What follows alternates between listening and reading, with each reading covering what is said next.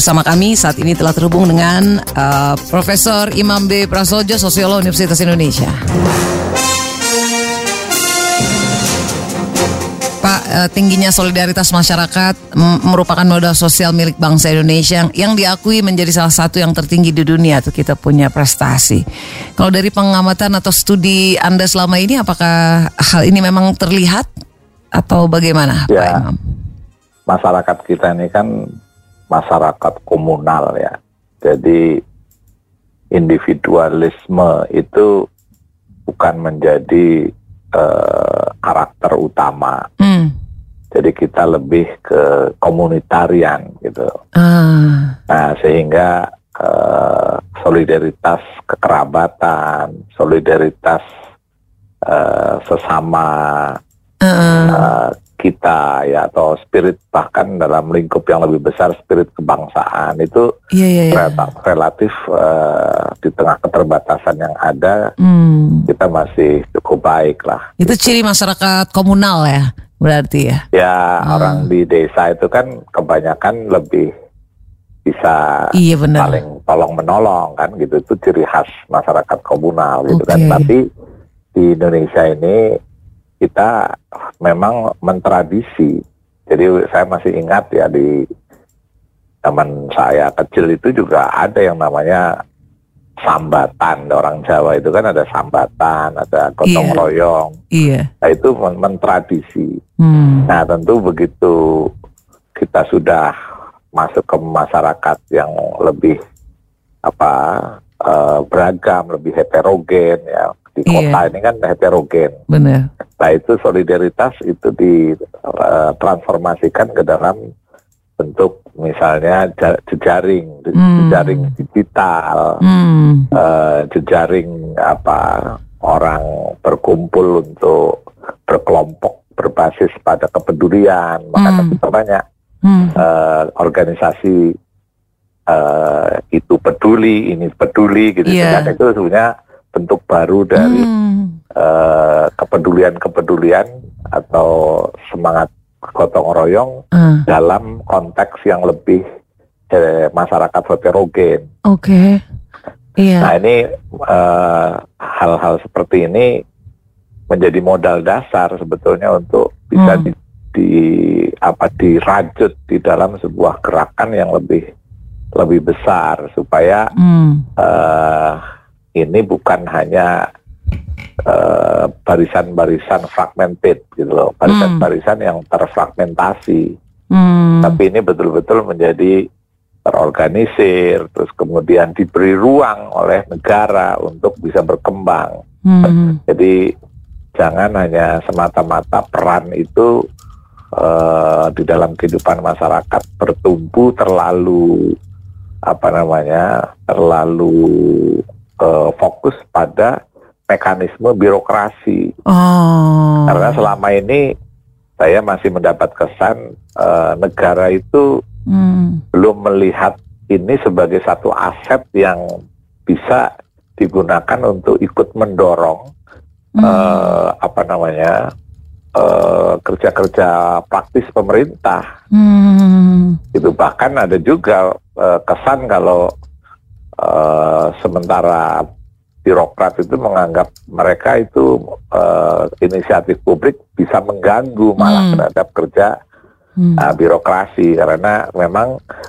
organisasi masyarakat itu ada macam-macam peran, hmm. ada tiga bentuk paling tidak lah ya. Hmm. Jadi bentuk model-model organisasi yang khusus uh, buat jaringan hmm. kepedulian ya memberi uh, dengan hati ya tanpa perlu harus banyak pikiran yang inovatif gitu tapi dia modalnya hati misalnya hmm. nah tapi ada juga yang uh, sifatnya advokasi nah ini hmm. yang advokasi ini yang sering kali mengontrol birokrasi uh, yang dianggap nah, mengganggu yang ya hmm. iya nah iya. kalau NGO NGO yang advokator gitu, iya. gitu itu sangat kritis terhadap hmm. uh, kerja-kerja birokrasi yang korup, yang hmm. lamban, ya gitu gitulah itu hmm. makanya tidak semua birokrat itu suka dengan hmm. apa namanya lembaga pemasyarakatan. Hmm. Tapi yang ketiga yang sebetulnya ini bisa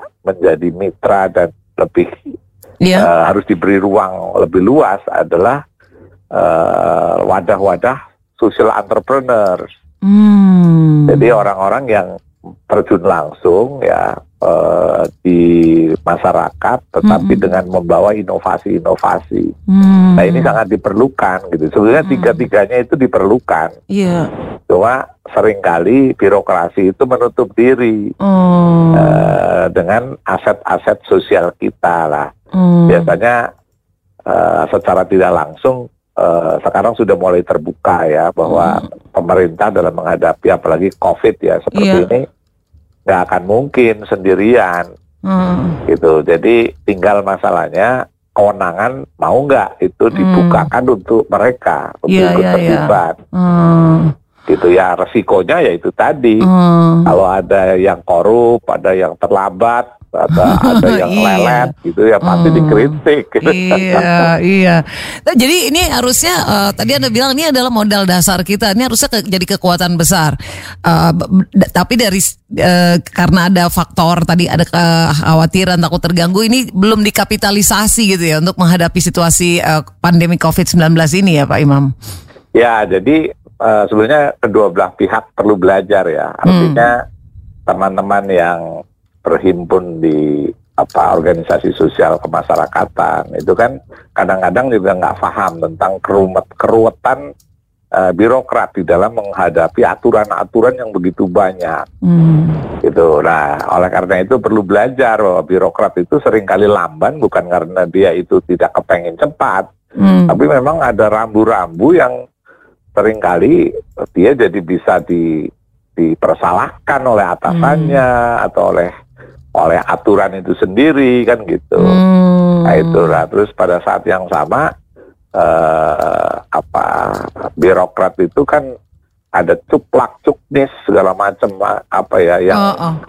panduan-panduan Mm-mm. seperti itu. Nah, tapi di sisi lain eh, birokrat juga perlu banyak belajar dari masyarakat apa ya inovator-inovator dari Hmm. champion-champion di yang ada di dalam masyarakat gitu kan. Hmm. Karena eh, teman-teman social entrepreneur misalnya, Iya. para aktivis itu oh, mereka eh, tanpa modal anggaran pun banyak yang terus jalan Oh, gitu. oh, oh, oh. Sebenarnya bisa saling mengisi ya Iya. situ. Kalau kita saling bisa saling mengerti, memahami ya.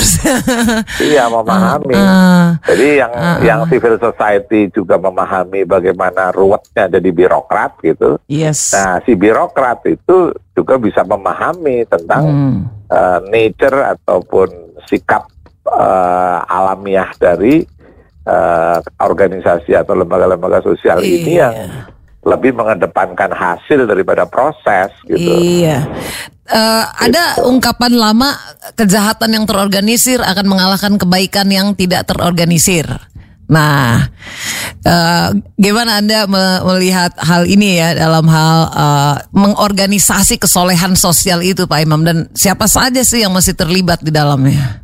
Ya sebetulnya kan gini, orang punya niatan baik, makanya sering kali ada snapshot giving gitu kan. Hmm. Hari ini misalnya ada anak yang dibully itu ya kemarin Hmm. tuh di apa di Sulawesi gitu. Semua orang terus tiba dengan dia dan kepengin membantu. Hmm. Terus kemudian kita lihat ada uh, anak yang kelaparan gitu. Iya. Ya, kemarin itu di Banten misalnya. Wah, terus orang kepengin segera membantu. Itu kan artinya naluri-naluri ataupun insting yang insting kebaikan yang Hmm. tumbuh Hmm. eh, begitu besar dari masyarakat kita gitu. Hmm. Tapi itu bagaimanapun juga itu snapshot reaktif. Hmm. Nah, yang kita butuhkan itu adalah bukan hanya sekedar niat baik yang sifatnya reaktif ya. Hmm. Baru ada masalah baru kita tergugah, tapi justru yang kita perlu lembagakan Hmm. adalah pengorganisasian sosial yang bisa mewadahi niatan-niatan baik itu secara rutin. Hmm. Nah, penyalurannya juga lebih eh, lebih apa sistematis gitu. Hmm. Sehingga nanti mudah-mudahan ya sekarang sudah banyak sebetulnya kan Hmm. ada lembaga-lembaga Iya. yang lebih profesional lah ya. Saya Hmm. tidak perlu menyebut namanya, tapi banyak sekali yang sudah menghimpun dana zakat, terus kemudian dia Hmm. punya kantor sendiri, staf sendiri, dan Hmm. dia punya program-program yang apa eh, inovatif gitu. Nah itu Hmm. saya kira eh, di- ditumbuhkan Hmm. dan dikoordinasikan. Nah pemerintah itu tinggal memfasilitasi. Ah. Jangan jangan melihat mereka itu sebagai kayak pesaing. Justru Hmm. itu modal modal republik ini. Iya, Mm-mm.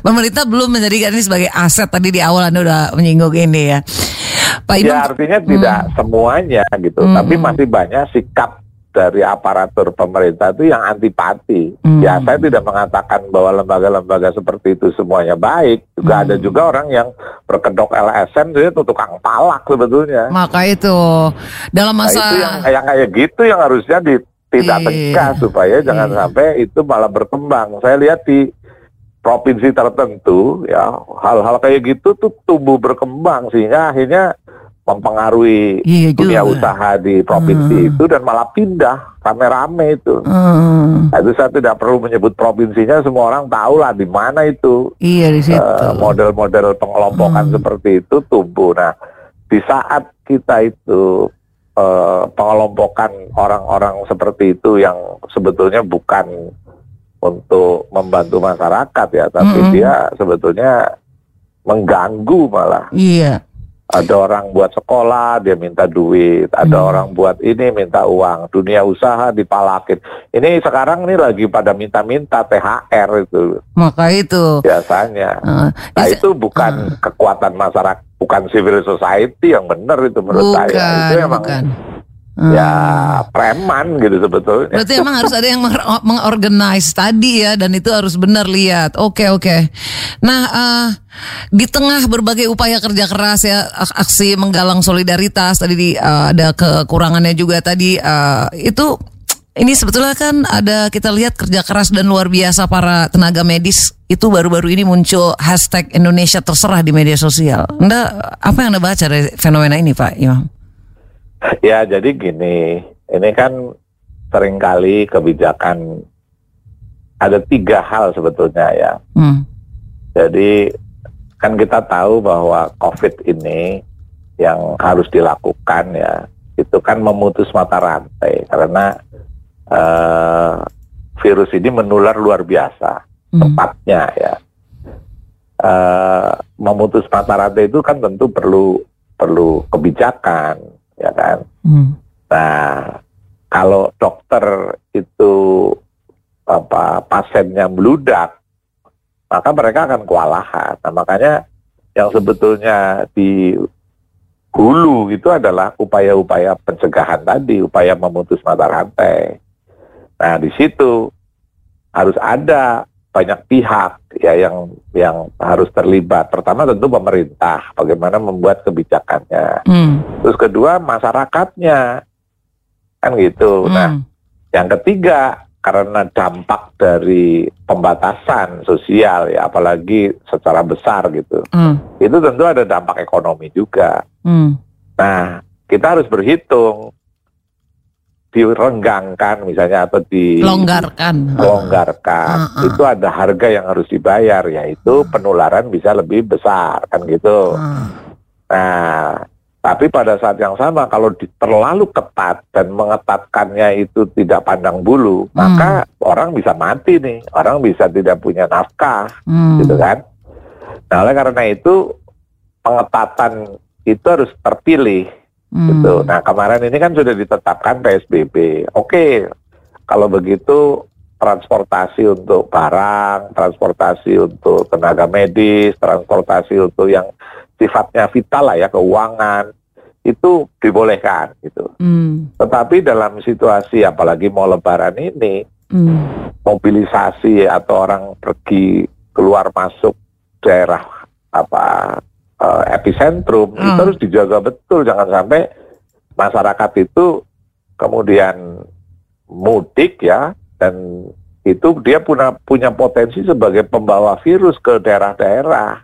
Hmm. Nah itu kan udah dido- disosialisasikan ya Iya. eh, sejak awal bahwa jangan mudik, jangan mudik dan Mm-mm. pemerintah sendiri juga dengan tegas mengatakan eh, Dilarang. apa, dilarang mudik kan gitu. Hmm. Presiden ngomong begitu. Nah, tetapi tiba-tiba muncul kebijakan dari Kementerian Perhubungan Iya. membuka transportasi Iya. umum Iya. untuk penumpang ke daerah Iya. dari Jakarta daerah itu. Nah itu yang menjadi kecewa tenaga medis itu atau Hmm. masyarakat yang berusaha untuk meng, meng- apa, mendengarkan Iya. imbauan yang baik itu misalnya stay at home lah seperti saya lah misalnya sekarang ini stay at home jarang banget saya keluar rumah. Sudah tiga Banyak bulan. orang ya? yang kepengen Hmm. mendukung program ini sebetulnya. Hmm. Nah, tetapi begitu masyarakat juga seenaknya keluar rumah nggak pakai masker, terus kemudian dia juga mudik, ya kan? Hmm. Dan orang kan selama ini selalu bilang, ya ada orang yang memang nggak mungkin kalau nggak mudik karena di kota itu dia udah nggak punya pekerjaan. Oke lah, itu bisa difahami, makanya itu harus ditolak dibantu. Hmm. Tapi ke- kekecewaan muncul pada saat itu orang berduyun-duyun ke Soekarno Hatta, ke ke mana? Ke Airport. Hmm. Nah, orang ini kan bukan orang yang nggak punya pilihan. Bukan orang Apa iya orang itu semua yang Hmm. pergi itu me- apa pergi untuk untuk tugas. Hmm. Orang mengatakan ah nggak mungkin itu. Hmm. Itu orang yang sama kepengen mudik. Nah, pemerintah dipersalahkan karena kenapa membuka fasilitas transportasi umum Iya. kalau dia itu memperlancar transportasi apa transportasi barang nggak ada masalah Hmm. kan kesepakatannya itu memang begitulah inkonsistensi seperti ini yang akhirnya mendapatkan reaksi terutama para dokter ya terserahlah udah. Hmm. Hmm. Hmm. jadi ada rasa kecewa Hmm. ada rasa distrust ya Hmm. ketidakpercayaan ada raja juga kemarahan sebetulnya ya karena Hmm. mereka itu sudah dua bulan lah berada di rumah sakit lelah nggak bisa ketemu keluarganya lah sementara masyarakat sebagian masyarakat itu bandel dia nggak punya empati Hmm. Nanti kalau dia itu ketularan masuk ke rumah sakit yang repot siapa kan gitu kira-kira gitu ini para tenaga medis Iya. Iya. Nah, iya. sementara juga pemerintah. Pemerintah gimana sih nih? Nah, itu sebenarnya akumulasi dari tafsir para tenaga medis dan juga banyak orang yang Hmm. merasa kepengen membantu pemutusan mata rantai ini yang tidak diimbangi dengan sebuah kebijakan dan sikap yang Hmm. yang konsisten. Jadi kebijakan dari pemerintah ada yang kontradiktif dibacanya begitu. Iya. Nah, ada sikap masyarakat yang juga kayaknya nih gimana sih nih? Hmm. Nah, ini yang ke depan ini mengerikan kalau seandainya. Ya, Hmm. kita berdoa lah mudah-mudahan ini tidak terjadi ya. Oke. Tapi kita tidak tahu apa dampaknya. Hmm. Orang-orang yang membandel memaksakan diri pulang kampung dan Hmm. Eh, apa Iya. eh, SOP atau protokol kesehatan itu tidak diindahkan. Hmm. Nah, nanti lebaran misalnya pada datang ya ngunjungi orang-orang tua. Nah, kebayang nggak kalau itu terjadi sebuah penularan klaster-klaster secara massal Itu di dia. kampung-kampung, di kabupaten-kabupaten, di kecamatan, kesatuan, terus kemudian terjadi banjir eh, apa namanya pasien-pasien bergelimpangan Hmm. gitu harus datang ke rumah sakit. Jadi maksudnya cukup bisa dimaklumi ya kalau mereka ah terserah lah gitu sampai ngomong gitu. Cuman ah, masalahnya iya, tapi kita juga sebetulnya mengerikan buat bangsa ini kalau saya ya. berarti Jadi- kita oh oke. Jadi kalau misalnya kita tahu bahwa pekerja harus kerja, itu kita bisa paham lah bahwa dia kerja ya. Tapi tolong dong protokol kesehatannya jangan jangan Jadi anu, siapa yang jangan- harusnya ber, be- me- me- merespons mereka kalau anda bilang nih bahaya nanti ke depan? Ya kita ini udah men- kan gini. Saya banyak orang-orang yang Pak gimana saya akan pedagang kaki lima harus Oke Bapak kalau memang terpaksa harus bekerja karena masalah ekonomi bekerja aja Tapi jangan lupa ya Pak jaga jarak Jangan lupa loh itu Bapak cuci tangan Oke. sering Karena Mhm. tangan telapak Pak tangan Bapak itu bisa nyenggol apa aja yang terus Mhm. kemudian nulari orang lain jangan salaman ya jangan salaman terus Mhm. kemudian jaga jarak loh ya Pak gitu Oh, itu yang orang di luar tapi bapak kalau bisa dan memang masih punya uang tinggal di rumah lebih baik kan Oh. gitu kira-kira nah jadi itulah. Cuman buat orang-orang yang punya pilihan, dia kenapa nggak nggak melakukan itu? Nah itu yang membuat kesel banyak orang sebetulnya. Oke. Karena dia hanya karena misalnya gini, ada survei katanya kalangan orang yang sudah dua bulan di rumah ini merasa sangat apa eh bosen lah tinggal di rumah, jadi dia udah nggak bisa lagi lebih lama. Saya bilang ya anda masih ketemu dengan istri, masih ketemu dengan Iya. suami, Mhm. dengan anak gitu kan. Ini orang-orang middle class nih mbak. Iya. Nah, terus kemudian dia hanya karena ubek-ubekan di rumah, dia ngerasa bosan sehingga dia berontak, kepengen keluar, kepengen ke mall, kepengen ke Oh. apa namanya ke tempat Jalan- wisata segala macam, hanya karena Hmm. ngerasa terkurung. Nah, orang yang merasa seperti ini, coba bandingkan dengan Hmm. tenaga medis. Iya. Dia sudah terkurung di rumah sakit, terpisah dari orang apa dari keluarganya, dan dia harus memakai hazmat Hmm. Yang pakaian yang sangat tidak menyenangkan itu panasnya luar biasa. Hmm. Nah, orang kayak gitu ya ngelihat kita itu bosan di rumah, Ah. ya sudah kalau gitu gantian. Saya deh yang di rumah, kamu yang di rumah sakit. Ah, iya iya iya paham Nah, saya. kira-kira gitu loh cara berpikirnya teman-teman tenaga medis ini ngelihat Iya. apa namanya Oke. eh, Baik. ketidakpedulian masyarakat. Baik, Pak Imam. tidak Berarti ini- berempati. Berarti kita yang harus kasih empati, jangan sampai ini berlanjut gitu dan kita kasih eh, eh, kita harus yang bertindak gitu ya Iya. maksudnya ya. Nah sekarang Baik. ini sebetulnya di tengah orang lagi bicara tentang katanya new normal segala macam. Iya. Itu tema-tema kayak gitu tuh buat negara-negara yang sudah berhasil menurunkan uh, tingkat penularannya kayak Jerman misalnya kan Hmm. Atau Korea Selatan gitu. Kalau Indonesia ini naik semua. Belum. Bahkan Jakarta yang kemarin ada indikasi turun sedikit, Heeh. naik, lagi, sekarang. Oke. Nah ini nanti habis Lebaran ya, catat ini Mbak, saya tidak sama sekali berharap ini mudah-mudahan tidak terjadi karena kalau ini terjadi, waduh kasihan banget banyak orang yang menjadi Ah. korban. Tapi karena perilaku kita, ya. Ini bisa menjadi sangat mungkin terjadi. Bayangkan habis Lebaran Iya. ini akan muncul sebuah klaster-klaster masif di banyak daerah. Huh. Nah, kalau di Jakarta saja yang rumah sakitnya jauh lebih banyak, dokternya jauh lebih banyak ya. Aja keteter, apalagi daerah-daerah yang cuma levelnya puskesmas, klinik atau rumah sakit kecil. Hmm. Nah, itu bagaimana ngatasinya? Kalau orang habis lebaran terus malah menjadi arena penularan. Baik Pak Imam ini berarti kita semua nih yang dengar radio, radio idola di mana pun berada me- mesti benar-benar menjaga protokol itu tadi dan empati. Makasih banyak Pak Imam Prasojo. Terima kasih sudah kasih kita gambaran tentang hal ini. Selamat pagi Dan Prof. kita berdoa mudah-mudahan ya Iya. ini masih ada waktu lah ya. Lebaran kan belum nih masih berapa hari Iya. lagi. Iya.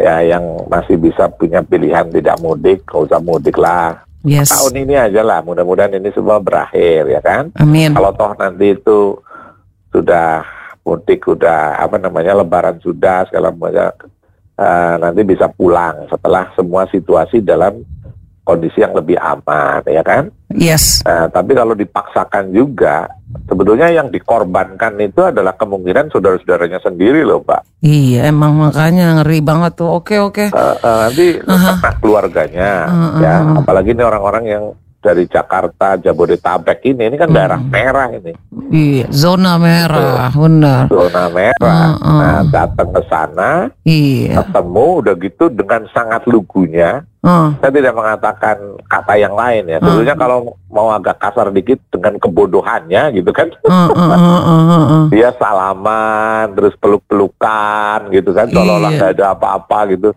dan kemudian eh, halal bihalal dengan sesepuh gitu kan seperti biasa Uh, uh.